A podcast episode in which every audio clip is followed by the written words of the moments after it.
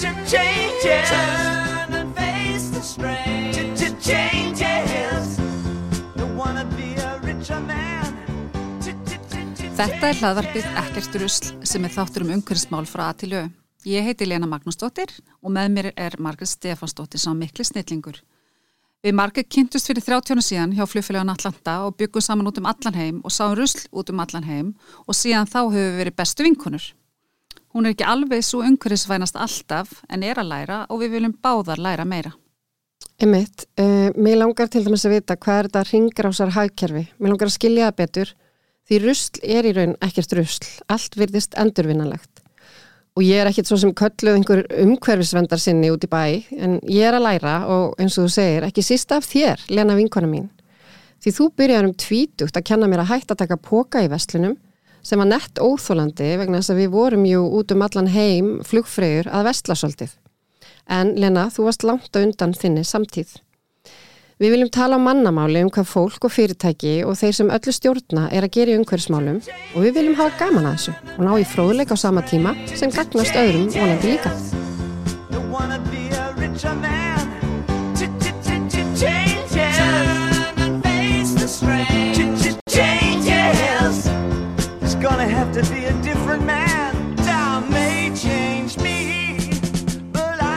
Can. Ertu ég alveg að googla eitthvað núna? Ég er ekki að djúka. Heyrðu, nei sko, ég nenn ekki að hlusta því að lesa eitthvað, brjóluð. En ég byrja að taka upp sko. Já, ok, ég er náttúrulega, þú veist að ég er alltaf Ég nenn ekki að hlusta það, heyrðu, varðandi hérna, ég verð að segja, ég fór í góða, góða hýrðin og Mhm. nýja, nýja úr, úr búðina, hún er náttúrulega mögnuð þessi búð Já, og það er samt ertu búin að fara í nýju? Já, já, og bara fór á opnum deginum og var að gegja stuð og dóttur mín kefti alveg bara fullt af, hún er nefnilega nýflutt uh, í búð og hérna hún kefti alveg fullt af fallu sem að hérna Mm. hún fekk á góðu veð, veð, veðri Já. verði mhm. en hérna ekki lesa neitt upp Margrét Nei, ég skal hlusta Nei, fyrir ekki. já. já. og hérna þannig að ég er búin að segja frá því þetta var bara mjög gaman að kíkja í þessa búð hún er æðisleg og þeir, það, er svo spennandi sem Fæst fötana? já, bara það fæst eil alltaf Það var komið svona- það Það komið föt og svo komið svona sérstætt IKEA hotn og þau eru samstarf IKEA og hérna þar Þú kefti segir IKEA, Já, IKEA segir maður ekki IKEA? Oh my lord Já, ok. En allavega þá Já. kefti ég svona plastóla þegar nú er ég lítið barnabarn og hérna þannig ég kefti svona IKEA plastól Mm. Á, og þeir eru í stöplum þannig hvet fólk að fara í góða hyrðina ef við vantar hvítan plastól já, eru svona margir. Já, þeir voru hann En eru þið notaðir? Já, já, en eiginlega bara sumir eins og nýjir af því að þú veist, lítið notaðir og þetta er náttúrulega endist endalust svona plast Heyrðu, svo ætlaði ég að tala um hérna að ég er náttúrulega uh, í stjórn húsfélagsins Já. sem er það leiðilegasta í heiminum að þú veist nú bara, einhvern tíma var ég að byggja um að gera eitthvað með mér á 50 skvöldi og þú gast verið með mér til, þú veist, átta Ja, því þú varst að á húsfélagsfund. Já, svo var ég aftur húsfélagsfundi. En ég meina Nema það, ég verð en, en af hverju klukkan, þú veist, akkur á 50 skvöldi klukkan átta, Af því hver, að þú veist ég þurfti að senka því að ég var að hitta þig Já, en, ég, en þú ættir að velja var annan dag það er það sem ég er að segja þetta er, Það var fáranlegt Ertu ætlar að vera lengi í þessu? Hérna. Heyrðu, nú ég, var ég, ég var húsfélagsfundi í gær og er aftur komin stjórn sem er geggjastuð, það er nú engin en annar, þetta er hversu- 62 íbúðir En hversu oft eru eiginlega húsfélagsfundir? Það er eins og ári, en ég ætla að segja þér, ég er hérna að gera samning við orkuvit, orkuveituna, orkunátturinnar, Já, orkunátturinnar, að Mhm. hérna setja upp hlæðslustuð heima fyrir rámaspilin. Já, og hvernig gengur, Það gengur, samninga það er þeirra? svo geggja, maður bara ringir í þá og þeir eru bara að mæta á fimmtudaginn að, að skoða þetta með mér, hvernig við ætlum að setja einhvern, einhvern nýja hlæðslu þarna í gegn og, og setja upp nokkra stöðar. Já, og það var alveg svona sam, við vorum alveg saman um það að gera þetta vel og gera þetta þannig að það var gætu allir fara að tengja sig af því að hérna, þetta er náttúrulega það sem við erum að gera framtíðin að vera á ramaspílum mhm. það er einn spurning, getum við ekki reynd að fá að Guðleithór í þáttun til okkar. Mér langar svo að vita Ráðherra. ef við myndum öll vera á ramaspílum, hvort við myndum þá ná lofslagsmarkmiðunum okkar? Og þú veist, af því annars erum við að fara að borga sko einhverja skriljónir. Í sekt? í sektir. Já, ef við náum ekki markmiðum. Já, ég er að segja það. En Þessu spyr ég, ef allir verður ramaspílum myndum við þá sleppa við sektir? Og hvað kostar það? heldur að Guðlaug getur svaraði? Já, ég hugsa það. Hann er örgulega til í að koma. Þú, þú rætta því. Já, hann var ekkert tíma búin að segja að hann vildi koma og svo bara er hann er svo upptikinn en sem ráðherra á, já, þú ringir hann hringi. hvernig gengur með hérna bensin? um, það gengur sko já, þetta er náttúrulega þannig þetta er bara magnað, maður ætlar að setjast niður fyrir framann YouTube og láta Læra á bílinn? bílinn bara Já. svona af YouTube, svo var líka hann hérna Ágúst uh, kallaði Gústi upp í öski búin að segja, já þú bara kemur og við kennum þér bílinn Já. er ég búin að koma? Nei, nei, ég er nei. náttúrulega ekki búin að koma að af því ég hef aldrei tíma, ég er alltaf ég finn mér víst allt- tíma. Nei, já, ég veit ég hef hann, ég bara finn mér alltaf eitthvað annað að gera og svo fórst þú að tala við hann bílinn minn mannstum Já. daginn og ég lit. hafði, ég hafði aldrei, já, og nú er rauður og ég vildi hafa hann svona ambient og nú er bara raukt fast á að því hún hlustar ekki á mig Nei. hann að hún, hérna, hey Mercedes. Þetta er En- svo hræðilegt. en, en hérna en þetta, ég hafði aldrei reynd að tala við bílinn en nú fer ég að gera þetta í vilvek, en mér var svo hérna forvitnilegt að ég las um daginn í fréttablaðinu. Ertu að fara að lesa upp fyrir okkur? Nei, ég er ekki að fara að lesa upp, ég er bara að segja. Já, og lofa, þetta er bara frásög Frásögn, en akkur ertu með augun á tölvinu þá? Ég er með hugun og símanum. En þjóðverið er banna brátt bensínbíla. Það er það sem ég ætla að segja. Já. og lögjöf ESB miður að úr losun koltvísýrings. Þannig að þú veist þetta sem varst að nefna. Mhm. að hérna er alltaf bara að banna það bara mjög fljótt þeir ætla að ná þessu hlutleysi og þeir ætla bara að fara að banna þess að banna bensínbíla, hugsið ykkur. Þetta er sko. Þetta er það. Og þetta er svo stórtækt að maður svona, vá, en þetta er svona kannski ekta þjóðverjar, bara heyrðu við erum ekkert að tvínuna við þetta Mm. Nei. við bara gerum þetta, við Við bönnum bara- þetta bara bráðum hérna, en já, svo er náttúrulega krónan sem er okkar styrtaræðili Mhm. mér finnst hérna uh, sniðugt hjá þeim að þeir eru með svona kortir í fjögur uh, þeir kallaða kortir í fjögur veistu hvað er? Nei? það eru svona réttir sem eru bara tilbúnir og þú Mm. kemur bara að kaupir eins og risarækju í fajitas laxastekur í netusalsa Ertu að lesa upp aftur? ég get ekkert munað þetta og ég bara er að segja þetta er ekta fyrir mig sem að gefa mér ekki tíma til að fara til dæmis að læra bílinn. Að geta farið og keift svona kortir í fjögur. Það er bara geggjað. Já, þetta er mert fjórir. Ok, þetta heiti kortir í fjögur Mm, og þá, þá er þetta eitthvað sem að þú ert bara fljóta að gera en er samt hérna holdt og gott og einmitt. bræð gott Heru, Ég hérna verið að segja hérna, ég fór sér satt í H&M áðan og hérna sætla meining H&M Já, áðan já, já. Um hvað vorum við að- að tala hérna við þessu, erum- vorum þetta er, við- í það. Og, hérna, og ég náttúrulega fer inn og týndi símanum í búðinni og þurfti svo að fara annað af því að Týndur þú já, já, já, og ég er náttúrulega breytingaskeiðinu þannig ég man ekki neitt, þannig að ég fann ekki síma þegar ég var að borga þessar flíkur sem ég hefði verið að kaupa hana og, og þurfti að rjúka út á, á annan fund og, og hérna og ringi dóttur mínum. Þú veist, ég var, eins tíma að stoppa fólk á rauðu ljósi og fá að ringja, þú veist, það maður verður náttúrulega bara alveg bara handarlaus. Algjörlega. Símalaus, Já, en svo fann hún hún trakkaði hann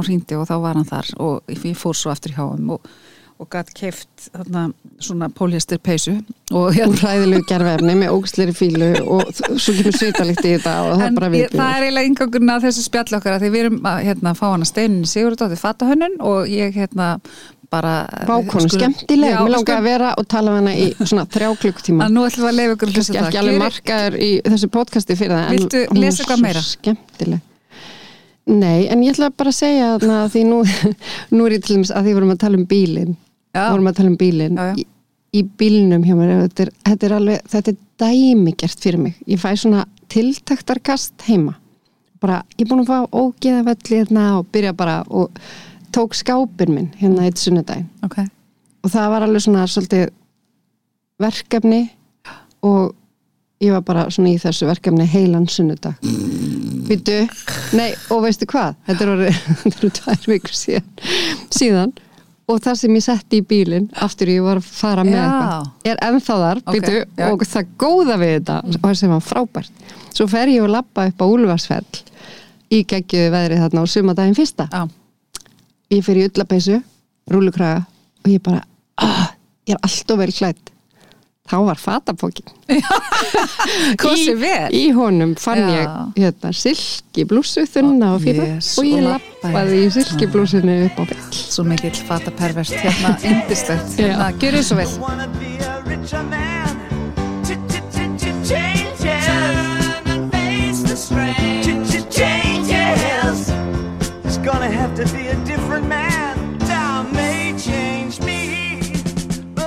Jæja Margrét, góðan og blessan daginn. Góðan daginn, nú ætlaðu þú að kynna Já. einn frábæran viðmælenda sem við erum búin að býða svo spenntar eftir Í að langan, langan tíma. Já, Og það er engin önnur en hérna Stein Sigurðardóttir, listamaður og, og fatahönnur sem er komið til okkur í dag. Takk fyrir að bjóða mér. Bara ótrúlega að gaman að koma. fá þig og takk fyrir að koma. Ég var nú með hugmynd að við myndum hafa svona paraþátt og vera með palla líka manniðin og þá kom í ljós að hann myndi bara taka yfir þáttin kannski og tala svo mikið sjálfur um arkitektur og eitthvað og þið væri bara að berast um aðteglina. Hann er eiginlega einn þáttur sjálfur. Já, einmitt. Hann er alveg sér þáttur, Já, þannig að bara velkomin og bara ótrúlega gaman tvö alfa þá, já, en hvernig gengur það svona heima fyrir? mjög vel. Já, þið eru bara sti stiðjandi við hvort annað. Já, við erum bara, já, það er svona þegar þið er tvö fyrirtæki þá, já, Já, er skemmtilegt. bara, Örgulega mikil svona dýnamík og samtal. já, það er rosalega gaman, mér finnst rosalega gaman að læra arkit um arkitektúr og skoða myndir af arkitektúr Einmitt. og, og, og, og þekki bara orðið í dag mjög mikið af góðum arkitektum og skoða og, og fylgist með og, það bara fyrir mitt höfuð veitir innblástur. ég, á, á Eða- alla staði Já. Já. Mér stildi mér gaman, dótti mín er útskriðast í fatahönnun núna í listaháskólanum og hennar svona verkefni eru skúltúrar í fatahönnun, fatahönnunin eru skúltúrar Mhm. og þannig að þetta tengist auðvitað allt einhvern veginn. Já, En- og uh, arkitektur, þú veist, hann getur verið ljóðrætt, hann getur verið uh, brútalískur, hann getur verið svo margt. Já, Akkurat. Þannig að ef maður skoðar, að því að ég vil meina að þú ert að bara að skoða hönnun og list og allt saman, þá er arkitektur svo stór hlut af því. Einmitt. einmitt. Að því að við búum öll í húsi Mm og að búa í sérstöku hús það hlýtur að hafa áhrif á fagufræðina. Algjörlega. En svo náttúrulega þurfum við líka öll að klæða okkur. Það er, það er það sem allur heimurinn gerir hverju manni. Er í húsunum sínum að Já, klæða sig. Já, það er eiginlega og fyrir framann fattaskápun sko. Akkurat. Þannig að það er, uh, fötur er náttúrulega lífsnauðsynleg að þessum hluta heimsins og um, þau vernd okkur bæði fyrir bara umhverfinu og rigningunni og kuldanum og, og þau, já, en í leiðin er þau svolítið meira heldur en bara sko að venda okkur þau eru orðin svolítið hérna hluti af sko sjálfin okkar. Já, Algjörlega, sammála Við því. langar svo að vita þegar nú ertu búin að vera náttúrulega í ansi mörg ár í þessum bransa, þessum fata hönnuðu bransa. Langar að vita svona hvernig þetta byrjaði hjá þér. Þetta var eiginlega þannig að, að ég er alin upp á heimili þar sem allt var saumað mig þannig að ég var 13 ára. Mm. Þú varstu ána með það? Já, ég allavega satt með móðu minni fyrir fram á saumavelina Já, og við ok. saumiðum saman uh, fermingafötin og allt, Æðislegt. allt þú veist, sumarkjólana og kápurnar og, og ég fekk aldrei kift fött og bara daginn eftir fermingu fór ég að kifti mér gallabuxur, það var það var bara að fá að kaupa sér buxur var eitthvað Voru það lífæst sem sagt? öruglega Í kar Karnabæ. Kar Já, einmitt. Þannig að hérna þetta þetta eiginlega kemur þannig og það er nú eiginlega þannig að, að uh, þetta eins og maður kallar home economics að sauma heima og prjóna og, og brótira og allt þetta það, já það varð svona hluti af mínu svona dæmi að gera heima. Og að prjóna er svo mikil bara meditation mm Mhm. að því að þú sem barn það var þetta alveg bara Lærður þú snemma að prjóna? nýjára Já. Var það af mömmuðinni eða í skólan? ömmu Já. og það er sko og ég, mér finnst alltaf ég gaman að segja frá því að því að hérna að prjóna þú sem að allir læra að prjóna eftir úr uppskriftabókum en ég lærði það ekki ég lærði bara að prjóna Já. og svo bjó ég til skúltúrin og það er það sem ég hef gert allæf og ég kann ekki enn þann dag í dag að prjóna eftir prjónabók. Þannig að þetta var skapandi Já, og þetta var hönnun, bara strax. strax. Amma kendi mig þetta. Já, einmitt. og ég hef gert sko peysu sem eru meistarastykki bara því að ég þurfti bara að finna út úr þessu. En það er líka eitt í þessu prjón er svolítið mikil verkfræði. Já. Þannig að það var svona tölunar alveg leku í höndunum og ég vissi nákvæmlega hvernig þetta var og þetta var ekkit flókin Nei, og sumir hafa þetta. Já. og aðrir ekki, sumir ger bara miklu betri teiknarar, sumir eru bara góðir í ykkur öðru að, að, að spila á gítar eða fiðlu. En ég, fyrir mér var þetta einhvern veginn það leki í höndunum á mér. Og varstu ekkert í því að reykja upp eða svo leist þú bara Jú, taldir jú. þetta út eða hvað? Nei, jú, jú, ég rakti upp ef mér fannst ekki nóg fallegt hjá mér og byrjaði upp á nýtt það, það er svolítið að búa til skúltúrin Já, svona partur af þessi, þessi, þessari svona ferð mótunni segja. í öllu saman og það er líka merkilegt að þú ferðin í vesmiðju að búa til ykkur svakalega fínar flíkur að þá er það að tala við hérna tæknimannin mm það er alltaf svo áhugavert því ég get prjónaði í hefðinu Já. um leið og þá getum við saman fundið út hvernig það á að gera það vel honum Mm. Og það er svo áhugavert. Þannig að ég og rosalega góða vini út um allan heim sem eru tækniminnir í vesmiðju Og þeir hljóta að elska þig að því þú kemur til þeirra og Já. kannt að meta svona þeirra Nei, þa þarna gerast hlutin Já, einmitt. Þarna, þarna er samtalið. Þarna er byrðu til samtalið um að búa þetta nýja til. Og það er svo fallegt En við ætlum einmitt að koma að versmiðunum á eftir hvernig Já. það virkar allt saman. En svo fe- ferðu í listaháskóla eða hvernig virkaði þetta á sínum tíma? ég fór í myndlaskólinn Reykjavík Ok, og þaðan fór ég og sótti um hérna uh, nám Erlendis. Og af rælni sótti ég um Parsonsskóla og design og vissi náttúrulega ekkert hvað ég var að sækja um. Þá til ég sagði einhverjum að ég var búin að sækja um skólan og hann sagði þú kemst aldrei ko- komast í þennan skóla. Já, en ég komst inn, wow, veistu af hverju þú komst inn? hef ekki hugmyndum. Nei. En þú hefur vantarlega þurft að sína verk í umsóknar Já, já, ég held að hafi bara hreinlega verið, ég var náttúrulega búin að prjóna svo mikið. Og það sást alveg á peysunum mínum, þú veist, já. Þ- þú veist ég, já, ég, ég kunni þetta. En það bara svo fór ég til Parsons í París var þar í heilan vittur að því mér varst New York svo rosalega langt í burtu. En fór svo yfir til New York bara að því að kennarinnir mínir í París eiginlega kröfðust þess. Að þú færið þangað. Já, ég var alltaf að prjóna sem að gera eitthvað, það er bara það, það er bara það sem lék í höndunum á mér. Já, og ég var búin að vera í skólanum í New York í tvo mánuði því ég var send út að vinna prjóna pröfur fyrir fyrirtæki. No. Ok því að það sást alveg, ég kunni ég gæti prjóna og ég, já, ég var þurftur ekkert að horfa Ég- á það sem þú varst að gera. Nei, ég prjónaði bara svona eins og prjónavél Var svo þess sagt að fólk sér ekki að þá er hún að leika og sé að prjóna fullu og, og horfir bara í ýmsar aðrar áttir. Já. En það er svona þegar já, þegar prjóni verður svona hlutamanni Já, þetta er magnað. og, og, og eins og ég segi það, það, þetta er svona ákveðin meditation Mhm.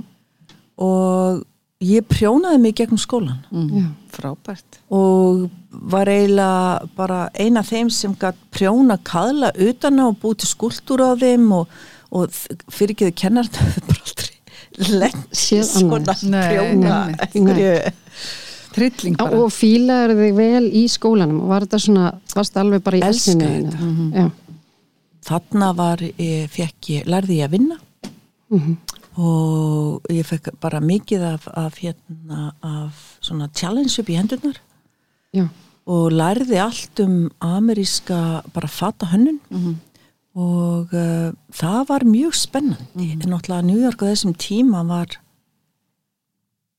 afsakið orða, orðalagi brjálaðislega skemmtileg. Hvaða ári er þetta? Uh, ég kem 1983 og ég fer 90, uh, já, 1995 flytti heim. Mhm. Vá, þú varst svona lengi í New York. Já. og þetta voru, þú veist, Soho var að byrja, Já. þú veist, það var, það var svo mikið að gerast. Og þú upplifðir bara þessa tónlist, veist, uh, MTV, Unplugged, þetta var alveg bara Endalist geðveikt Já. tímabil og það, New York búið að tala ennþá um þetta tímabil. Já, og að vera nýri í East Village og þú veist, á öllum börunum og, og vera, þú veist, li, upplifa öll þessi diskotek sem komu og fara á stúdíu 54 og vera í ringiðunni þú veist, að fara á CBGB's og hlusta á Talking Heads þetta, þetta var alveg bara Emitt. maður tók þetta bara inn Mhm. þetta var bara beint í æð Og var þetta innblástur fyrir þína hönnu? algjörlega Mm. York á þessum tíma var náttúrulega þá var svo líka mikið að gerast í listinni og það var svo gaman að vera inn í Soho Mhm. maður eitti eiginlega öllum laugatugum og bara eftir að ég byrjaði að vinna þá fórstu bara og skoðaðir galleri og söp Já. að því að það var bara hlut af því að taka inn Mm. Þú varst ekki að fara heim og horfa á sjónvarpið? nei, ekki á laugatugum Nei. En ég, segjum mér að því að nú hérna erum við að tala svona um umhverfismál í þessum þætti. Var eitthvað verið að spá í umhverfismálum þegar þú varst í nei, náminu? ekki mikið Nei. Hvernig, þú veist, var, hvernig var svona andrúrslafti í kringum bara að vinna með efni og var bara allt gert sem að fólki langaði? þegar maður kemur inn í skóla þá byrjar maður náttúrulega að læra um hvað efni snúast, hvað er þetta? Emitt. hver er munun á flaugilega og kasmír Mm. hver er munur á satíni og, og siffan? Hver er munur á þú læri bara helstu bara, já. Emitt. og við eittum til dæmis öllum miðgutarsmotnum á að fara á Metropolitan safnið í kjallaran og skoða gamlar flíkur sem við fengum að vera með hanska en fengum stundum að snerta Vá. og þá sástu kjólana Madame Grey og Chanel og, og þá fyrst að skoða alvöru Og hvaða efni var verið að nota á þeim tíma mest? það er náttúrulega mest náttúrulega efni Já. og það má eiginlega segja að fatahönnin úti fatahönnin úti hafi verið mikið um náttúrulega efni Mhm. En á sama tíma var öll þessi nýja tíska dralun og akrillik og allt að koma. Já, rosa mikið eitt á þessum rosa mikið á þessum tíma. Já, en þegar þú ferðin í hátískuna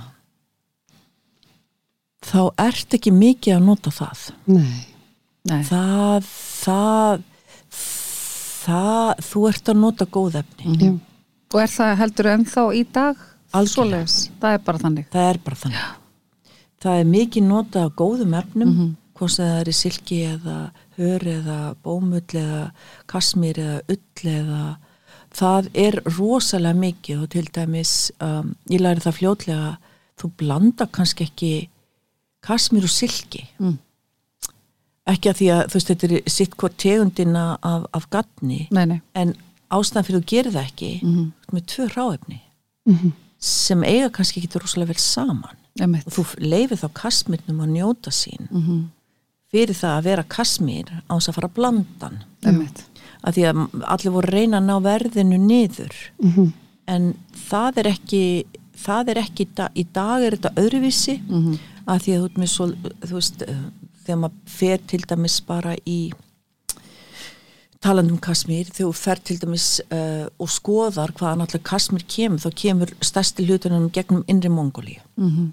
Og niður í hverfi í Kína sem heitir Ningxia.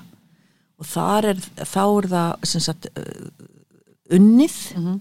Og svo koma stóru fyrirtækin sem er að spinna í Evrópu, þessi stóru kasmir fyrirtæki sem við þekkjum mörg. Mhm. Totin Dongan, Malotrigo eða Lora Piana.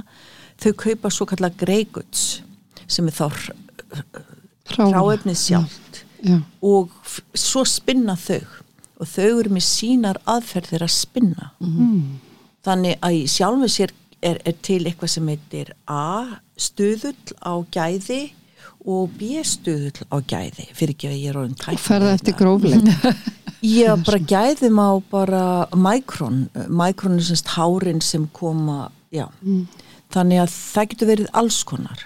Og í dag getur keftir kasmir sem er B eða C stuðull og þá er hann ekki en stýr Nei, og þá þýðir það líka hann kemur að ruggla frá uh, hann er sp- spunnin einhver staðar í Kína myndi ég segja. En ekki í Evrópu þar sem hann er búin að fara í gegnum rosalega mikinn prósess. Emitt. en hlut á Kasmir er það að hann er svo mikið unnin. Þess vegna er hann svona dýr. Já, og ég get komið við flík og fundið. Þú veist þetta um leið? Bara um leið. Mhm. Hvað, hvað hún kemur og bara? þú getur líka fundið það með því að koma við og sagt að það er búið að þóa þetta mikið. Mm. að því að þú heyrir það. Mhm. Já, þú þarft ekki annað en að taka prjóna voðina og leggja hann upp að eiranu og ef það brakar í henni þá búin að þóa hann mikið. Vá ég það er það sem að ég hef einmitt verið að segja þessu við krakkar mína ef þau fari peysu í einn dag. Ekki þvó okkur um deg, við þurfum ekkert að gera það. Þú veist, ég tek þetta bara upp á gólfinu og setja þetta aftur inn í skáp, þú veist, þetta er ekkert vesen.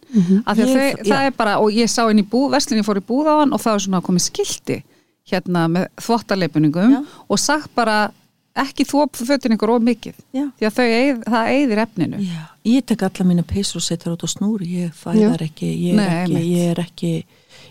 að því að í fyrsta lagi er það þannig að sum efni, það kem, koma agnir úr þeim, það er vitað og það fer út í vatnið okkar Mhm. og um, ég vil frekar vera í náttúrulegum efnum, ef alltaf til eiginlega verið Já, og ástæðan fyrir því er svo að ef það kemur eitthvað sleis fyrir, já, kveiknar, já, þá slöknar í öllinni strax. já. Þetta hefur maður alltaf vitað. Ég hef alltaf einmitt við, hérna, þegar það er gamláskvöldi, ég hef alltaf sett dætu mína, nú fær því villapeysuna og þetta, þið færði Já, ekki ykkur um nælunum. Ég passa. Nei, vá, litlar. góð punktur. Já, Ég já. þetta allt. Vá, það, það, ég er bara heppin að kveikna ekki í börnunum mínum Já. í Eða pólistur flýspeysur og svona. Ég bara, nei, ekki séns. ekki séns þú svonum minn ég, hef búin að prjóna á hann marga kasmir peysur á hann að fætti sko Já. þannig að hann er alin upp í náttúrulegum efnum Einmitt. og það er og þetta passa maður við lítið börn. Og það er svolítið eins og þessi efni, það er eins og þau vaksi með börnum. já, svona náttúrulega Mér finnst það. já, tegjast betur Já, og eru bara einhvern veginn bara passa betur lengur og hérna. en svo oft veltum maður fyrir sér eins og nú er náttúrulega verið að búið til flýs úr plasti. Þannig að vera að búið til flýspeysur úr það var náttúrulega gert að því að það þurfti að finna aðferðir. Akkurat. já, ég held nú að flesti sé nú að, að pakka því efni svolítið niður. Já, að því að það er náttúrulega orðið mikil vitundarvakning. Mm. og uh, ég ráðleg mínum kunnum til dæmis setja þetta bara út á snúru. Já. Ekki þó Nei, því þá fyrir plasti bara aftur út í sjóin úr plastefninu sem að var búið til úr Ég skil. Já, kynni maður komið blettur. já, Já. þetta, e, e, þú veist, og ég er bara eiginlega að tala um sko líka bara með ullina Mhm. ekki þvona, ekki Einmitt. bara því að því meira sem þú þvarðan og setur hann í heitara vatn þá þjættist hún því að, já, hún reppur svolítið saman Akkurat. Mhm. Og sjórin tekur ekki endalust við af öllu þessu dóti sem við erum að þvó með öllu þessu þvottefni og, og því sem er náttúrulega búið til í efnunum. Það er bara þannig. Já, það er svona þegar maður fer að horfa á sko í kringum 1950 hvað átti þú veist, hinn menjulega manneskja mikið af fötum Mm -hmm. Hún átti helmingi minna Já. en hún átti líka flíkur sem endust lengur Já. Helmikið lengur. helmingi lengur Mhm. og það eru flíkurnar sem við erum að kaupa á antikmarkuðum Emitt.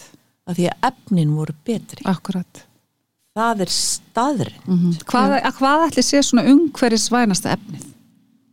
Hefur eitthvað pælt í því? ég myndi segja Gabardín, það endur svo vel Úr hverju er það? Gabardín. Það er svona, já, Gabardín er mikið notað að vera svona eh, kallmannskápur sko Já.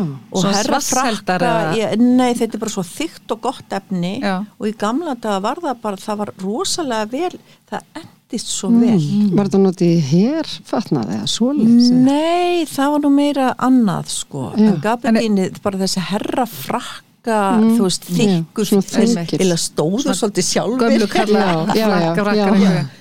Þeir mættu bara alveg, þú veist, silvætta var svo perfekt. Úr hverju er þetta? Gabardín var bómull og gæti líka verið ull, það Ok. er bara vefnaðurinn. Já, Já. ok. Já, þannig að þú veist, gabardín efni, þú veist, það getur verið svo margt. Mhm. Já. En í sjálfum sér þá hérna, þá myndi ég sko að því að efni endi svo vel og það er alveg, við, þú kemur við það, þá veistu það. Svo náttúrulega bara í gegnum tí, tíð og tíma, þú veist, uh, hérna 1970 tímabili kemur svona glimmer, glitter og þá fór, fór, svona meira af svona alls konar efnum að, bætast við sem voru kannski ekki mjög náttúruleg. Emitt. En þetta er líka tímabilið. Já. Þannig að við megum ekki alveg henda sko gömlu. Nei, nei, Við verðum að skoða hver tímabil fyrir sig emitt. og vita svolítið hvað gerðist á hverjum tíma. Og það er áhugavert því að ég var að fara í gegnum fataskap móðu minnar, blessu sér minning hennar, en hún saumaði svo mikið. Mm -hmm. Og hún hjælt upp á þetta allt. Og það var svo gaman að sjá því að sko fyrstu flíkurnar hennar og draktirnar hennar voru gerðar úr ull og mjög fín og svo komið 1970 kjólatnir og þá var komið svona glitter og glimmer og Já. svona þinnra og já, svona, þinnra, svona lorex feelingur og þetta er alveg bara já. á! Að koma við þetta var náttúrulega mamma hvernig gast þetta? Bara verið í þessu. Já, en þetta var tíðarandinn. Tíðarandi Einmitt. og ég vil ekki henda einhverju vondu á tíðarandan því að þetta er bara tímabil sem við þurftum að komast í gegn Einmitt. en þegar þú ferð að vinna í hátískunni eins og ég bara lendi í út af því ég gætt prjónað Já, þá gerist það að þú lærir mjög fljótlega. Og þú fórst að vinna fyrir mjög svona stór merki já, svona eins og ég kalla svona household names. Já, hvaða merki voru þetta? Legu okkur heyra. Um, ég sem sagt vann um, já, fyrir um, Calvin Klein Já. Ralph Lauren og Gucci þegar Gucci var að byrja, já. Og það var mjög skemmtilegt því að já, ég byggði upp sem sagt prjónadeildirnar. Vá. Alveg mögnuð reynsla e, og var orðin stærsti kasmir framlegandi í bandaríkjunum eftir, já, því að mér fann svo gaman. Mhm. búa til svona, ég gæti alveg sko ég mátti gera allt sem ég vildi. Já. þú, bara, þú fyrst bara hugmynd og, og ég bara mátti let framkvæmd. hann að gerast og það var svo gaman og þú veist, þetta var óbúslega áhrifaríkt já, fyrir manneski að gera. En á sama tíma læriru önnur við vinnubröð heldur en hér á landi. Þú lærir líka aðra fagufræði og þú skilur kannski meira hvað fata yðnaðurinn snýstum En af því fannst að hann er lagskiptur. Einmitt. og hvað, hvað meinar með því lagskiptur? Það er sem sagt uh, dýravaran. Já, svo kemur það svona millivaran og svo kemur þetta það sem er ódýrt. Já. fast. Já, já, Fashion. Já. Uh, og talandum fast fashion að því að ég til dæmis manneskja sem ég held ég hafi tvisasunum farið inn í H&M eða Söru og vestlað á æfinni og það er ekki að því að því að það eru vond föddar því að þú getur fengið fínan fatnaðar Akkurat. En þá vil ég meina að þú þurfir aðeins að skoða hvernig þú átt að velja hann. Það er bara byrja, fyrsta lagi byrja bara úr hverju er þetta búið til. Já, já, það fyrir mér er að því ég get ekki sett þetta á fyrirtækin. Einmitt. Þetta er við fólkið sem erum að búa þetta til. við, við erum neytendur Sem erum að kaupa þetta. Já, Eh, En heldur að sé mikil munur einmitt á slow fashion og fast fashion fa, f, þess, þessum fyrirtækjum varðandi hvað þau eru að hugsa núna til dæmis í dag með umhverfismál? Já, sko, ef þeir selja 250.000 hvíta bómyndlabóli, þá framleiðar 250.000 hvíta bómyndlabóli. En þeir eru að gera allt rétt. mm. Það er málið. Það er markaðun sem ræður ferðinni. Af því að það er ekki nokkuð fyrirtæki í heiminu sem mun framleiða 250.000 bóli og henda þeim. nei, Það er ekki málið.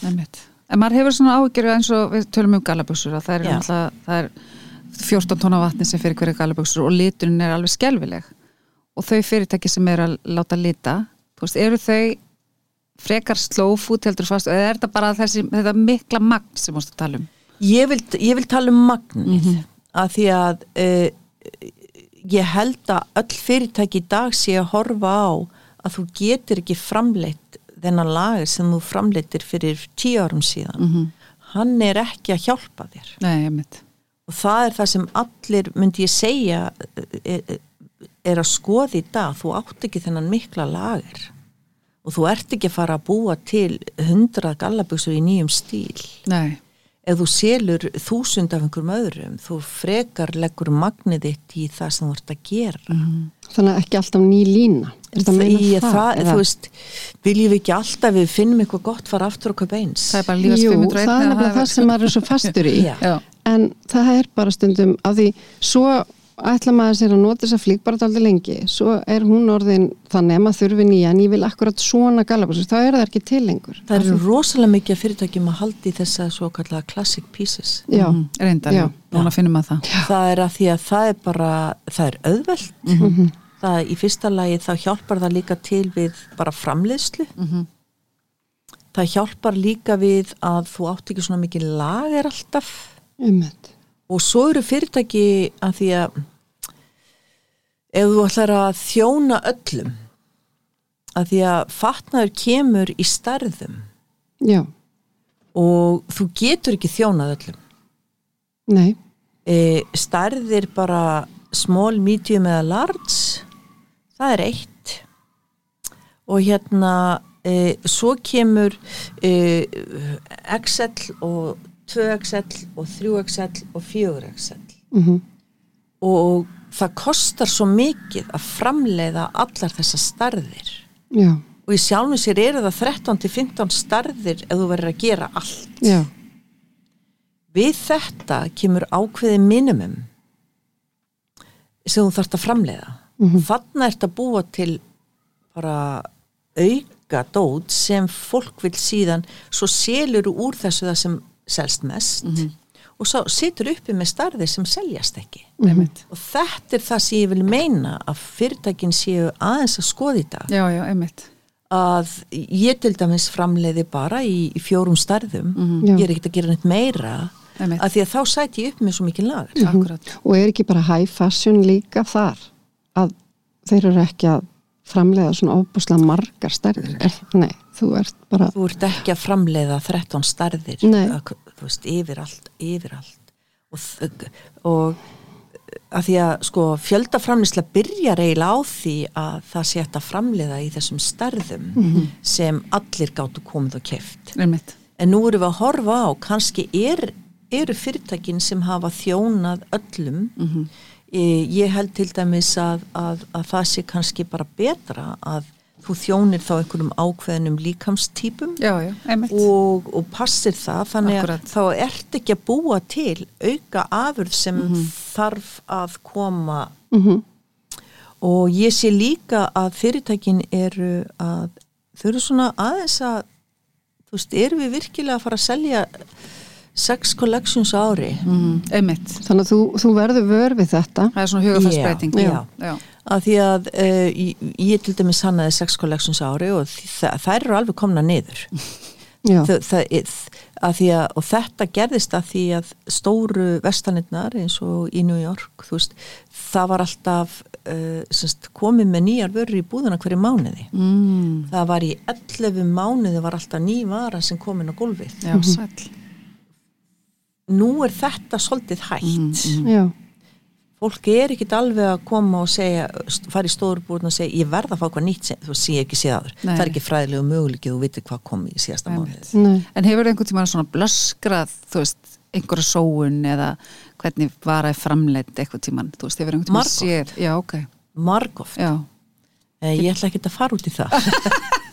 En það er náttúrulega sóun er líka hluti af bara, þú veist, við erum með matasóun. Já, já, við erum með sóun á alls konar heimilistækjum Algjörlega.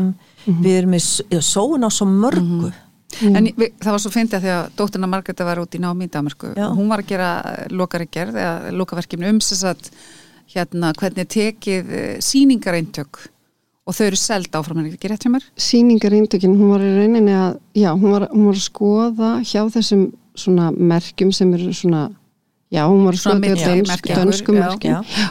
Með sýningarindökin hvað þau eru ótrúlega mörg af hverri flík og, Og þau, það var aldrei gert neitt við Nei, og bara, þú veist hvað, og var svona skoða í, einmitt, með einni hérna, sem var með henni hérna, og var að vinna hjá einu svona fyrirtæki. Þær voru að skoða þetta sérstaklega Já. með bara þessi er Hvað, svo þetta- ma- magna hvað er mikið magn? Ég með keifti eina svona Díama Forstenberg sem að, svona kjól í fyrra, ég var nú ekki að kaupa neitt nýtt en það var svona sýningaeintak Já. sem hafi verið notað í Runway og var hérna að vera að selja á netinu og ég bara er svo þetta var alveg nýtt brilliant. en það var svona, það að það var svona næla Já. sem að hafi greinlega verið á mótelinu skiljum hafi nælt saman Já. þannig að nælan kom með sem var bara krútlegt sko Já. En ég var einmitt að segja, þú veist, og þetta þetta er að breytast, nú er ekki verið að bara taka þessar vörur og það er með pakka niður að hendi eða hvernig þetta var yfirleitt var þessu, voru svo kallar útsölur Já, sem Og á fóru- þessum vörum. já, á Já. þessum flíkum Já. og þar voru selda fyrir lítið Mhm. þeim hefur aldrei verið henn nei, ok það er frekar að þeim hafa verið bútið peningur Já, því ok. þú borgar svo mikið fyrir þessa flíkur Einmitt. Já. Þetta er eiginlega stasti Kostnaður, við. Já, já, ég held að það hefur að skoða eitthvað svona. já, allir er, hafa reynd að, Já, að koma þessu þannig fyrir Mhm. að þú gast fengið peningin tilbaka. Einmitt. og það er alveg þannig. Mhm. Mér var svolítið skemmtilegt um daginn, ég fór hérna í ringekjuna með föt, ég er ekkert búin að gera, þú ert miklu duglir við þetta. Já, takk fyrir það. og meðal ein flík var sem, sagt, sem ég átti frá þér sem að var gráa vestið með hérna já, já, eh, framan á Já. hvað, Þú varst að selja það? Var, já, já. Ég, þetta, var þetta var með dýrarinn alltaf eða þannig og hérna en Þú verður alltaf verið Ég- með mjög vandað um þetta. Já, ég er svona áfötu mín mjög lengi nema að ég var bara ennþá að sitja á, slána og svo var ég bara að klára þetta. Og ég sé bara að kona kemur strax tekur vestið, mátar og Já. kaupir. Þetta var eina Sem seldist seldist um leið. Já. Það var bara þannig. Þú náttúrulega tekur þínar, þín fött og, og gerir við þau ef að, þú veist, og já sko, ég ráleg fólki bara hvernig það á hugsa um flíkina. Einmitt. Já, þú veist, ekki hengið upp og setja þetta í tissjúpappir og ekki gera þetta og Já. ekki gera hitt og, og ef það kemur eitthvað fyrir því að saumar í prjóni þe- þe- þe- þeir eru tegjanlegir akkurat já, Já. þetta er ekki eins og skýrt það sem hann er bara fastur. Nei, og þeir geta slitnað. Því að, og fólk, já, af því að sumir halda til þeim sum ermina þegar þeir fara í hana og svo slitnar alltaf því að maður gerir þetta mikið og tógar það er svona Hún er nefnilega með leik þátt hérna þurft að fylgja þessu síni kjensla En það Já. er það eru margir sem búa sér til sína svona eigin persónlega aðferð við að fara í flík. Mm. Já, sem er kannski ekki ómeðvitað ómeðvitað að því að við lærum þetta sem börn Mhm. og að klæða sig er bara svona líkamleg þekking innbyggð líkamleg þekking sem er hlut af okkar daglega lífi Svona aðtöfn bara. Já, og fólk gerir sér ekki stundum ekki grein fyrir því að pæling. þegar maður heldur í ermina og tógar niður til að laga Já. þá er mikla líkur á því að, að því þú myndir alltaf gera þetta við skyrtu. Nei, þannig að fólk gerir svona mismunandi hluti Já, sem er kannski ekki að hugsa um hvort það gæti eðilegt og ég kenni þetta. Og jaft og þjátt en þú veist til dæmis ég hengi ekki peysur. Nei, það á aldrei ekki þú setur ekki í silkipapir eða tissu. nei, nei, nei, nei, nei, ég ger það ekki. En þú veist bara maður að er að er bara að hugsa sko af því að auðvitað sumir hengja peysur og kannski læra það í þessum þætti að það bara er skemmir peysuna. Eh, prjónavóðin hún er tegjanleg Mhm. þess vegna er hún kannski erfiðara heldur en bara venjuleg efni. Því að, að því að hún tegist þannig að út með síðan kjól, prjónakjól þá myndi ég aldrei hengja Nei, því að hann mun bara síka já, og þú vilt það ekkert. Hann, hann breytir forminu sín hann breytir forminu sig og hengir hann. Ég reyndar hef sett prjónakóli í þvott og því miður þá var hann á 40 gráðum og, einmitt. og hann kom út badnakjóll. Já. Þannig að ég þurfti, að- þó ég hefði reynd að hengja hann upp þá hann aldrei passað á mig aftur sko. en ég, mér en á maður finnst ekki að leggja líka flíkur þegar þú þværðar maður, á- maður á að Hann- leggja já. maður á náttúrulega bara ég bara brýtar saman. Já, og ég er með svona tissjúpappir og þú veist, ég er bara sitt ofan á. Skilur, ég er ekki með ti- tissjúpappir á milli. Nei, nei, en þegar þú ert að þ- þurrkana meina við. já, Já. eh, á Já. hangklæði, já, Já, ég skilur, já, þú veist að meina það. Já. fyrir geðu. Eh, jú, en ég er alveg hætt því. Hvað ég gerir þú? fer bara út á snúru Og og, fjóri tímar í góður já þú bara hægt að þvó þetta. Nema að koma viðrar. já, Já. Ég að því svitalikt situr ekki í í- svona náttúrulegum efnum til dæmis Nákvæmlega. En þá ráðlíki fólki kaupið þau bara náttúrulega svitalegt að því. já, algjörlega, það er ég búin að gera í mörg, mörg, mörg ár sko, þú veist Þannig að þú sért ekki að búa til eitthvað sem er, þú veist, býr til þessa hérna, línur í kringum handveginn. Já, þetta dæmi Þetta sem kemur. já, já. bara, ef Já. þú er gerir þetta bara ósku venjulega, þá kemur þetta ekki. nei, spáði hvað við með spörum ekki í vatni og spörum ekki í þvottæfni, spörum ekki að drasli sem fyrir út í sjó og spörum efnin Já. ef við þóum minna. líka með Ég er bara ráðleika öllum að gera það. já, Nema, og, og mér já. fannst líka áhugavert að því ég fór hérna með dæturum mínum um daginn og, og, þær voru, eða einn var að velja sér lífas gallabuxur og þá sagði ymmit hérna afgriðslu, það var ungstelpa Já. hún bara, ef þið ætlaði að þóða þær þóðið þær með hérna liquid, Já. Þú veist Já. efni, Já. en bara eiginlega aldrei. Hætti bara þvó. já, Já. bara Hættu þú bara veist, þvo. þetta, þetta, sko gallabuxur á ma- maður á að þó þær bara margra mánada fresti einmitt, maður er í nærbúsum oftast nær ég, ég aldrei þetta Nei. er svolítið málið til dæmis peysa, þú ert alltaf í ykkur innan undir Eh, maður mað þarf aðeins að sitja sig í svona og maður er líka alltaf hrein, það er ekki eins og maður baðis ekki, þú veist, ég segi maður fer í fötin sín, Já. þetta er eins og ég segi með hangklæði, fólk er alltaf að þvó hangklæði sín. Nei, nei, eftir hver skipti, ég er hrein þegar ég þurka mér sko, þú veist, Ég ég, þarf ekki að þvó hangklæði eftir hver skipti. Nei, Nei, ég nota eh, hérna, Ó, æfingarhanglaði mér mitt svo- alla vikuna með að sko. svo geggja þegar ég fór á hótel í fyrst skipti og það var svona miði sko, ekki hérna, ef þú vilt ekki að við þúum hangklæðið þitt eftir daginn, Já. að þá ekki setja á gólfið, þannig að maður hengja það bara upp í eh, þessa viku sem maður er úti. Að því hitt er bara galið. Það sem er vass skortur og það sem maður vend þetta er, þú veist, þetta er allt og mikið Ég var að fara í gegnum hérna, upplýsingar sem ég, já, í, í, í samband við skólan og þá, hérna, þá erum við að tala um sko að því að það er ákveðin kynnslóð sem, eh, sem er bara alin upp á því að, að vera í leikfimi og vera í, í svo kallum leikfimisfötum. Einmitt, Já, og það er mikið að því umferð og þau eru ódýr og Mhm.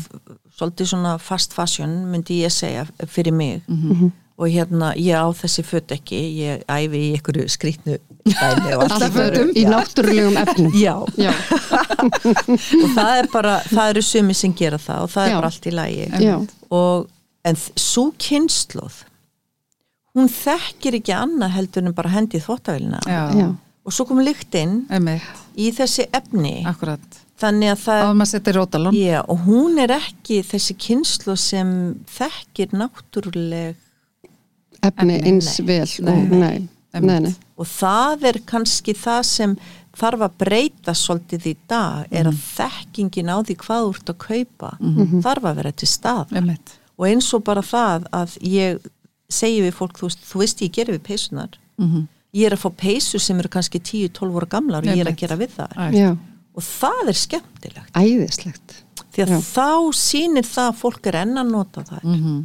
og að gera við það er bara áframhaldandi hönnun. Það er bara ringrás hagkerfið í sinni því að þú getur saumað út og gert einhverja skemmtilegar hugmyndir og ég er áleg fólki að þú getur saumað út bara saumað í þetta. Einmitt, að því að það þú ert að bæta flíkina. Já, og þú veist að, að því að ég læt stundum sitja bara uh, á þykka peysu bara svona já, uh, rúskin á ermanna Já, svona bætur, já, veist, kláriði flíkina. Að því að uh, flík hefur líf. Mhm, og ef þú fer vel með hana Já. þá endist hún lengi. Já, og ég segi alltaf nefndum sem koma til mín að, að hérna frá þessari ágættu sögu, ég kefti kápu árið 1992 í New York. Og ég borgaði sko fyrir hana allan handlegin og öxlina alveg bara háls. Og lifði á, á hrísgrónum fyrir dollar á dag í meiri marga mánuði sem geti til að eiga, eiga hana Já, ánægðan þann dag og hvaða merkja þetta? Bara svo Issi mér, nei, Yoshi Yamamoto. Ok, og, og, og þú notar hana en þann dag í dag. ég er búin að fá Já. peningin Já, marg fallt Einmitt. tilbaka. heldur betur og ég ætla að segja það einmitt að því amma mín sko keifti vandaða flíkur, hún ferðaðist aldrei þegar hún var ung með afa mínum og hún kaupi sér hérna drakt og kápu og þetta sagt, erfi ég eftir hana fyrir, fyrir mörgum árum og hún er nú bara nýlátin 98 ára. Ég fem þessa drakt sem er alveg sérlega falleg í sniðinu og pilsið er svona niður fyrir hnýja ofsalega bara fallegt og þetta efni náttúrulega þetta er bara alveg fyrsta flokks. Og ég fyrir með þetta til saumakonu og ég segi, heyrðu, já, og svo ætla ég beð maður styrta pilsið, svona hinga hún segi, þú átt eftir að bölva þessu eftir Einhvern tímann, já, já, bara, bara að fljótt mér. Þetta er í tísku núna og hún segi, þetta er algjör synd. Og ég er bara svona, æ, þú veist, ég er aldrei að fara að nota þetta. Og hún segi, ok, ég skal gera þetta með einu skilir því, ég klipp ekki neðan Nei. ég ætla, ég ætlaði að mynda segja, Já. við getum í sammála. Já, algjörlega. Og ég náttúrulega sá eftir þessu döðsá eftir þessu, þú veist bara en, en, En það er þá hún- hægt að hún laga hafði- það? Já, hún Já. hafði hérna vit fyrir mér sko einmitt og maður finnur alveg að, að í svona tilfellum að því að það eru ákveðna flíkur sem eiga bara að vera eins og þær eru Já, já og þetta var draktin því að- úrslega asnaleg Já, einmitt, þegar þú veist já. það fór eitthvað form í að það fó, hlutfellin í henni breyttu sig. algjörlega Já. það er það sem gerist þegar fólk er að gera svona Já. á þess að hafa gert sér grein fyrir hvað það er að gera einmitt. og það er líka þannig að, að fólk hefur kannski skilning á efninu. Eins og þú ætlar að þrengja rosalega mikið ermar á kjól af því að kunnin vill það eitthvað og, þú, og, þú veist, og svo er bara erfitt að beigja olbúan Já, og þ- en þetta leit svo vel út þegar út með hendurna niðri, Já, svo að fara að borða og þá bara þá er allt erfitt. Getur ekki. þannig að hvert efni hefur sín eiginleika. Já. þannig að þú verður að byrja á því alltaf hvað gefur efnið mér? Þegar þú ert að byrja. Hvernig, hvernig notfæri ég mér? Hvað getur efni gert? Mm En nú, nú ert þú, Steinun, með þína verslun og, og hönnunar stúdíó hér á Íslandi. Er það? Það er hér. Þú ert algjörlega með allt hér í starfseminniðinni. Og hver, hvernig er þessi markaður, ég meina, mér langar bara svo að vita um starfseminniðina. Þú ert væntanlega að selja út um alla Evrópu, allan heim eða þú veist Já, hvernig, sko, hvernig ég er ekki með vestlanir elendis, nei. Nei, Eh, Það eiginlega datt upp fyrir mikið í, í hruninu já, og ég hef ekkit farið að stað með það aftur. Nei. nei, En hins vegar, það gerðist það bara svona sjálfu sér að ég á rosalega mikið að kunnum elendis. já, föstum kúnum sem bara vildu Föstum vöru, sem ég já. sendi út um allan heim og býða eftir nýri línu því að þá líta þær eða þau bara, já, ekki eins út eins og allir hinir. Þau vita hvað eru að fá. Já, og en líka það, það fylgir hverjum fatahönnið fylgir ákvört fegurðaskinn sem Já. er þitt fegurðaskinn Já, og mitt fegurðaskinn er kannski ekki, ég blanda oft Íslandin í það. Mhm. þannig að það er mjög sérstakt og ekki allra og það er bara allt í góðu. Að sjálfsög, þú ert ekki að reyna að ná til allra, aldils ekki. langt í frá. Já, og þá líður þeim og litaval mitt er kannski öðruvísi heldur en já. Þannig að ég á svona góða kuna sem vilja vera öðruvísi. Einmitt.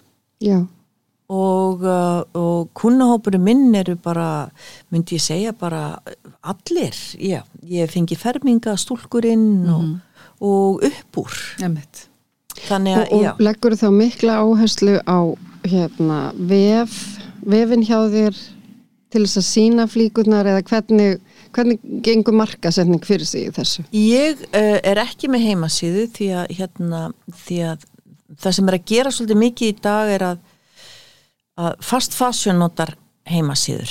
Já, en já, stóru fyrirtækin já, þú verður kannski að kunna inn á þau. Já, já, það er mjög erfitt að kaupa sér 25.000 dólar að kjól eða þú ert kannski búin að koma við efnið. Innmitt. en ef ég var að kaupa 25.000 dólar að kjól frá Tom Ford Já, þá er ég eiginlega vissum að hann sé á góðu efni. Mhm, en ég veit ekki um að klín fyrirtækin. Nei, og það er alltaf þannig að þegar þú ert að lýsa efnum gegnum tölvu að því að stærsti hlutin af því að vesla sér föt er að koma við. Sammála. bara um leið. Líka bara lykt. já, komin í búð með mikið að gerfi efnum finn, ég fæ bara svona þungt ógeð eitthvað, Eh, við- skiljið þið hvað ég Einmitt. eða svona búðir? Að því að þú veist því að þa- þetta er bara þa- já, það sem líka minn gerir hann vil koma við. Já, og um leið þú ferði í flíkina þá veistu hvort hún er vondið að slæm. En þegar get þe- þe- þetta dæmi við, erum við búin að taka út út að vestla föt á netinu. Þú, það eru komin sko lýsingar orði í staðin Já, já, og ég vesla aldrei föt á neti. Nei. Það er bara ekki að en ræða. hvernig, hvernig gerist þetta hjá þér? Ég, ég, er bara, ég er í persónlega samband við allt þetta fólk. Já, það er svoleiðis. Já, þetta Já. er bara personal shopping. Já, einmitt. Og þe það veit alveg hvað það er að fá. Já, Það lýsir bara fyrir þér og þú bara sendir. Nei, ég sendiði myndir, ég veit starðirna þeirra, ég, þú veist, já þú þetta ert er bara með gagnagrunnin ég er með gagna grunnin um það, ég veit hvað það kipti síðast, þetta er mjög Já. auðvelt. já, Hvar ertu að láta sauma fötin þín? Ég læt ekki sauma, ég Nei. læt prjóna. Þú lætur próna þetta Já, bara. það er allt sem er í búðinni minni, eh, 90, og- myndi ég segja 95% er prjónað Mm. og það læt ég gera í Hong Kong Einmitt. og það litla sem er saumað, því ég er svo þegar kemur að framlýslu það er í rosalega gamaldags ég semst ég er búin að nota sömu vesmiðin, prjónavesmiðina ok, bara í 20 og eitthvað ár ef ekki lengur og uh, það sem ég lætt sauma er sama fyrirtækið í hérna Litóin Já, sem ég nota og það kunna allir inn á þig mig og mína Og framleyslu og hvað ég vil Já. og, já. og Þín, þín gæða svona stuðul og bara Já. kröfur, væntanlega.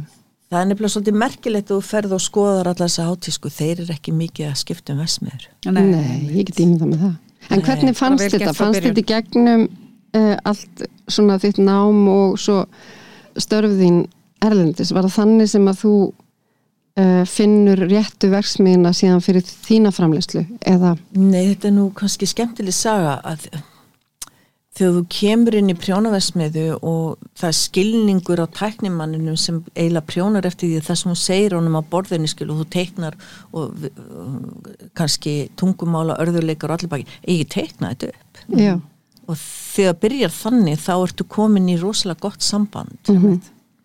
Og þegar þú byrjar þetta bara til og svo hef ég líka þann eiginleika að þegar þú ert að láta gera svona og svo verður mistök. Ég sé þetta ekki sem mistök. Þetta er bara partur af ferli. Þetta var partur af ferlinu. Já, og ég tek þetta og ég gerir svona og svona og svona. Ég snýi þessu já, allar áttir og kannski er þetta betra röngun heldur en réttinu, kannski er þetta betra á svona hliðinni eða ég sé þetta ekki sem eitthvað rétt og rá já, eða á röngun og réttunni þetta að því að, textillin per se hann, hann, hann getur snúið alls konar.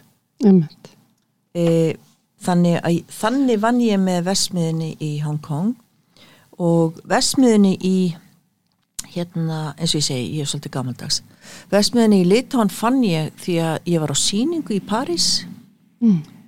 og uh, ég, það, það voru tveir norskir fatahennur sem voru að hérna að hérna að sína kjóla og á erminni var rosalega sérstakur útsumur sem er bara gerður í höndunum. Mm. og ég vissi nákvæmlega hvað þetta var og horfði á þetta og sagði hver bjóð þetta til fyrir ykkur? Mhm. og þe- svo kom lýsingin sem flotta kona í, í, í litáin og ég sagði can I get her name? Af því að handverkið mhm, seldi mér hana. Já, af því að þú gerir ekki svona nema að vita. Nei, nei. já, hvað þú ert að gera. hvað þú ert að gera. Þannig fann ég hana og saman höfum við gert ótrúlega hluti og, og við erum búin að setja upp alls konar sýningar, hún er búin að gera fullt af dóti fyrir mig sem er eindaðin á söpnum er hún þá með fyrirtæki? hún er með fyrirtæki, seima fyrirtæki þetta er mjög sjarmerandi og hérna, minnst þetta svo þetta, maður alveg getur hérna uh, sögt sér inn í þennan heim þegar úr þetta lýsunum og því að vera með, og, og, með kúnan svona nálagt þér. Þú verður að hafa kuna nála þér Já. að ef þú gerir það ekki þá ertu ekki að nálgast viðfangsefnið og það er alveg þannig og, og það er alveg vitað að þegar þú ferði í flíkina Já, að þú breytir um. Þú finnur ykkur tilfinningu.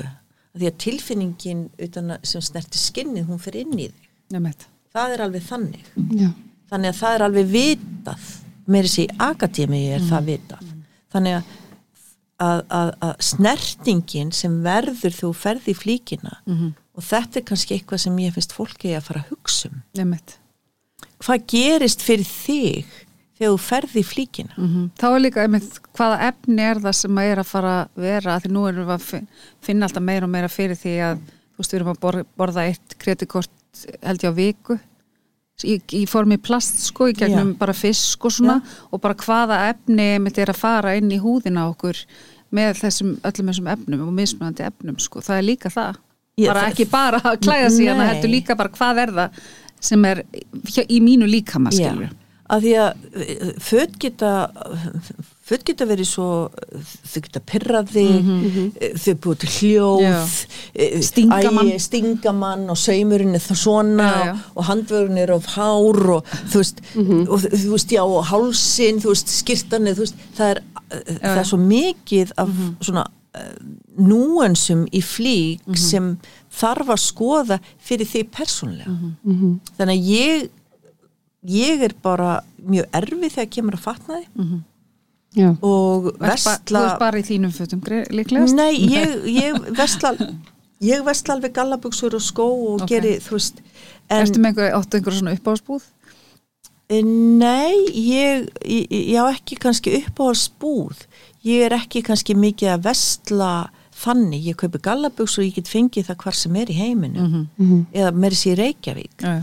en kápur og svoleiðis ég er bara í mínu, mínum fötum og ég Já. veit alveg hvað, ég, ég, hvað þau gera en ég líka ég, að því að það er alltaf að tala um að konur vestli bara svona einu og eina nærbuksur en ég geri það ekki, ég vestla tíu í einu Já. Og þá átti þetta. Þá á ég þetta og það er svo langur tími sem ég fæ út úr þessu. Einmitt, það er kannski það sem ég er að sækjast eftir. Einmitt. ég fer ekki og kaupi nærbuksur á ég til dæmis þurfti alls ekki að gera neitt í COVID-unu Nei, Nei. eða að fara að vestla eða nokkuð að því að þegar þú átt eitthvað magn og þ- þetta er bara einhverja sem eru þægilega og ég, þetta er kannski svona eins og persónlegur, bara persónlegt uniform að þegar átt svona þá þarf ekki að hugsa um það nei, einmitt. Þú veist, og þetta eru bara nærbuksur og sokkar Já. Með Þá verslega. áhugavert við vorum að tala um einmitt hvaða lit maður velur sér að fötum og þú sagði mér að þú væri alltaf í svörstu. Já, en það er það er af uh, kemur á ástæðu Einmitt. að því að í New York til dæmis gekk ég bara í ljósu veist, sex mánuða árinu því að það var svo mikil heiti og ég, ég átti alveg heilan fattaskáp sem var svona ljós á litin Akkurat. en þegar þú kemur til Íslands letu til Íslands og hér er snjó og rigning og allur pakkin og þú ert með hjólastól sem þú ert að setja í skottið á bílnum Já. þá hvít flík ekki rosalega Nei, þægileg einmitt. þannig að þú þú, þú byrð til uniform í kringum e, persónulega þarfir. nákvæmlega. á hverju da- hver, Og að því að sonu þinn notar hjólastjól og þá varst að setja já, að því að ég hefði verið með rönd allan daginn í vinnunni Einmitt. alltaf veist, Já, og, það, og það er bara sko. þannig. Og þú veist ég var alltaf utan í bílnum þannig að svart hendaði mér. Einmitt. og svo maður festist maður í því. Og það er kannski allt í lægi og ég er mjög sátt við það því að ég vil líka ekki búa til í búðinu hjá mér. Ég vil vera ekki búa til þetta þessa, þetta visual noise Einmitt. með sjálfa mig ég er bara svona backdrop Já, já. Já, ég er þú ekki- Þú þig. stelur ekkit aðtekli því að, þegar þú kemur og vestlar í búðinni þá ert að vestla fyrir þig og ef að ég var í hárauðum kjól eitthvað þá, þá væri að horfa á mig Já, Já. já. Myndir ekki klaupa neitt bara. Þa, það, þú kannski myndi gera það Já, já. en ég er ekki að búa til þetta næs fyrir þig Einmitt. þú ert komin til að skoða en þetta er bara mér líður vel í þessum lit Einmitt. hann kemur að því að ég þurfti að gera þetta Já. og eh, það er ekkit og ég veit það Mhm. en mér finnst líka gott að vera í uniformi Einmitt. En þú hannar föt sem eru í lit. Já, já, ég Já. fullt af þeim skilur, litum, en já. þetta er bara minn persónulegi Já. bara preference að vera ekki í þessu Mm En finnst þér, uh, að því að ég er náttúrulega að reyna að koma aftur inn á umhverfsmálin með varðandi fataðinu en að uh, hvað finnst þér að hafa breyst svona síðustu hvað, tíu árin varðandi þessa hluti? að Bara svo við a, í allt annað. í, við höfum farið úr því að framleiða örgulega tvöfalt meira heldur en við gerum í dag ég held að all, allir séu að skoða þetta Þú meinar að það framleistan hefur minkað mikið? já, já, já, já, ok. já, já. stóru fyrirtækin eru ekki að framleiða eins og þau gerða Nei, áður. ég skil. Ok. að því að fólk er líka farið að horfa Mm Og neita öðru sig. Þau eru farin að fara í ringekjuna og vestlunahöllina og Í þá ertu ekki að kaupa ný föt þannig að það eru allir að finna. Þannig að lager hjá öllum hefur minka Einmitt. sem er þetta stóra góða dæmi Emmitt, um að við séum þá aðeins að horfa á breytt, breytt munstur. Emmitt, og við erum líka að skoða bara eða ég sé það þannig að neytandin er bara virkilega orðin meðvitaður um hvað hann er að vestla emmitt, en, en ég get ekki kent fyrirtækjunum um það neytandin sjálfur er að gera þetta. Já, já, og neytandi sjálfur er að fara með í viðgerðir. Mhm. og mér finnst alltaf gaman að fyl- fylgjast með Hassan hérna á hverfiskutinni Einmitt. þú veist, Já, svona fyrirtæki fyrir tíu árum hefur kannski ekki gengið, þrýfist. gengið, nei, en í dag þrýfst það. Akkúrat. og örgulega vantar fleiri svona. Að því að- að gera við Mhm. það að því ég vil meina að ef þú elskar einhverja flík, ó ég elska hann svo mikið hvar get ég kift hann aftur? Já, þá komið svona eh, tilfinning gagvart flíkinni. Mhm. þetta er uppáhalds. Já, emmitt, þetta er svo gott, þetta er svo þægilegt og hún vefur þig bara já, þannig að þetta verður svona svolítið hluti af þinni personu og þa það er hluti af því líka að við séum að horfa á þetta og segja, nei, ég ætla ekki að Við vorum mm. með viðmælenda sem að hún hætti við að fara með föti sín rauðakrossin. Já. Að því hún sagði, ég ætla bara að láta laga það sem er að. Og það var eitthvað rennilás og eitthvað svona vesen, sko. hún fór bara já. til saumakonu og það bara var það þannig að hún fór ekki með. Af því að Svo náttúrulega bara eins og hefur verið að þú veist, allir þessi föt sem að fara svo til Afríku sem er bara mynda í einhver, einhver fata fjöll þar. Þetta er náttúrulega bara galið ástand búið að vera. Já, sko ég- ég hef aldrei, að því að mér langar svo að vita hvaðan þetta kemur. Mm -hmm. að því að þetta er sagt að þarna sé verið að- að henda nýjum lager. Það finnst mér skrít Já, ég skil. það held ég að heldur að sé ósatt. ég vildi fá að vita að þú veist bara svona investigation. Hvað er í gangi hérna? Akkurat. Mm, að því að ég er ekki enda búin að fá það svar. Ég held þetta sé eitthvað allt annað sem enginn er að horfa á. En það má vel verða að sé vitlis og, að- og þetta sé alveg vitað en ég hef ekki fundið þessar upplýsingar. Nei, en e, ef að þú finnur 40.000 flíkur af sama þá er eitthvað skrítið í gangi. Já, já, já, já. en þá spyr ég líka og hvaðan kemur það frá hvaða landi? Emmitt. og var einhver uh, uh, gasmengun eða hva, hva, hvað gerðist? veldur, hvað veldur að þú gerir Akkurat. þetta? Einmitt.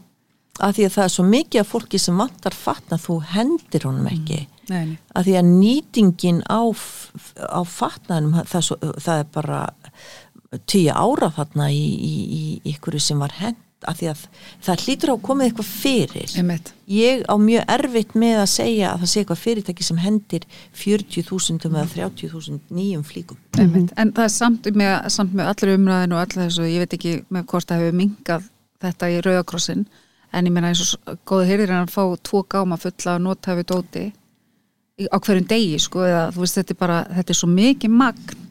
Já, þannig að það er greinilega ofneisla ennþá í gangi. Mikil ofneisla ég hérna já, ég hef ekki ég flutti fyrir 22 árum og það er allt eins og var heima hjá mér. Já, einmitt. Já, þú Ég er- ert mjög varkár í því að já, en það er kannski vegna þess að ef þú kaupir góða hluti Já. þá endast þeir Akkurat. Það er bara þannig. ég er með sófa sem ég er búin að láta yfir ekki tvisvar Mhm. og örgla, þú veist, mun fara með hann aftur og, og þetta fyrir mér, já, bílið sem ég kifti árið 2000 hann dó út í út í, út í hérna, móa, sko 17 árum setna Mhm. ég nota hlutina þanga til líftími þeirra er búin þetta fyrir mér er eitthvað sem að ég ólst upp með það við, að þú notar hluti þá til líftími hans er búin Einmitt. sama hvort það er kápa Já. eða bíll Einmitt. eða skýði þanga til þetta bara búið Mhm. það er ekki meira Akkurat. En nú er eiginlega komið bara að, að svona ég, lokum. ég geti talað Þetta er bara, endalust við erum búin að vera hérna í að klukkutíma. miklu, miklu mér Við þurfum að taka, taka tvö við steinunni. Er eitthvað svona sem þú vilt segja lókumstein? já, mér langar eiginlega að byggja hlustandan að, að næst þegar hann fer í búðina að skoða merkimiðan Mm. og aðeins að skoða er ég, hvað er ég að fara að kaupa? Er ég að fara að kaupa náttúrulegt sem endist kannski aðeins betur? Eða hvað, hvað er ég að fara að gera? Mm Mhm. -hmm. allavega að spurja sjálfan sig að því. Kannski líka bara þarf ég þetta. Fyrir utan það en stundum þarf þess. Já, já, ég bara segja Já. það er gott að staldra og við svo langa Já. mann stundum bara. Ha? Nei, já, og mann lítur að mega langa. Halló, það er ekki ég þannig. þetta er bara nöðsinn sem að klæði sig. Ég með vanta þessa tilfinningu að langa já, það er kannski vegna þess að ég er innan um föt allan dag já, ég er mynd að já. því og þú kannski hugsar oh, ég væri til í svona flík, þá bara byrja hana til. Já, ég mynd þú ert svo klár. Já, ég er meira þar í dag að, hérna, að ég finn eitthvað sem hefur áhrif á mig. Mm. já, tilfinningarlega Já, einmitt. heldur en eitthvað að kaupa eitthvað. Það er ekki, það er Nei. aldrei verið einhvern veginn, já, svo æðislegt og fannst þennan vefnað frá Ísafirði já. sem hún síndi mér um daginn. Og Það þetta frá mjög skemmtilegt. 1970 það og er hún mjög var að nýta efni og búa til flíkur úr því sem að- Pítur, hafi- segja mér það var vefstof á Ísafyrði Guðrún hérna Vikustóttir já, og dóttur hennar og barnabatt komið til mín og uh, við semst í saminningu gerðum svona litla s- sýningu og litum sauma úr þessum flíku, bútum af efnum sem voru eftir gömlu konuna. Já, og efnin eru alíslensk úr íslensk rull. Flíkurnar eru einstakar því að það breyn til. Já. Mhm. og uh, þá ertu að tala um nýtingu sem er kannski öðruvísi. Efnin voru til. Og þetta er íslenskt. Og jújú, jú, þetta, þau eru mjög dýrar vörurnar og, og fást ennþá í búðinu minni. En þetta er eitthvað sem er búið að endast í svona mörg ár 50 og eitthvað ár muna öruglega garantera að endast önnur 50 pælið í því. Það er svona og okkur fannst það svona til er að koma þeim aftur í notkun. Já, að gamla konan yrði nú bara kannski svolítið ána með það. Já, þetta er allan indislegt að fá að sjá þetta og bara gaman líka hérna, þú horfið svo mikið til íslenskar, náttúrulega prjónans og, og eða, að prjóna og allt þetta og hérna varst að segja mér frá safnin og blöndósi og, og hérna og þetta er bara svo þetta er bara svo áhugavert og ég hvet allar til að kíkja í búðinu til hinn. nú er ég að hugsa af því ég er með póka út í bíl ég var að taka til í fattaskapnum mínum og ég er með bláa peysu, vaffálsmálspeysu sem ég er búin að eiga örgli í svona 10-15 ár. Nú er hún bara orðin slitinn Mm og ég er rosalega rög eða sko, já, trega hendinni eða láta hana frá mér. bara láttu lagana. Settu bætur á hana. Já, og ef það er ykkur hérna ofbúslega miklar mikil gött mhm. láttu ykkur sauma blóm út í það eða yfir það og þá er Ég fer með þetta til mömmu, mamma er handaðinu Eh, já, já. já. Indislegt, Já, þá er er þetta frábært. komið og bara Ég hérna, takk kærlega fyrir að koma til okkar og vera frábært að hafa þig Takk stöðun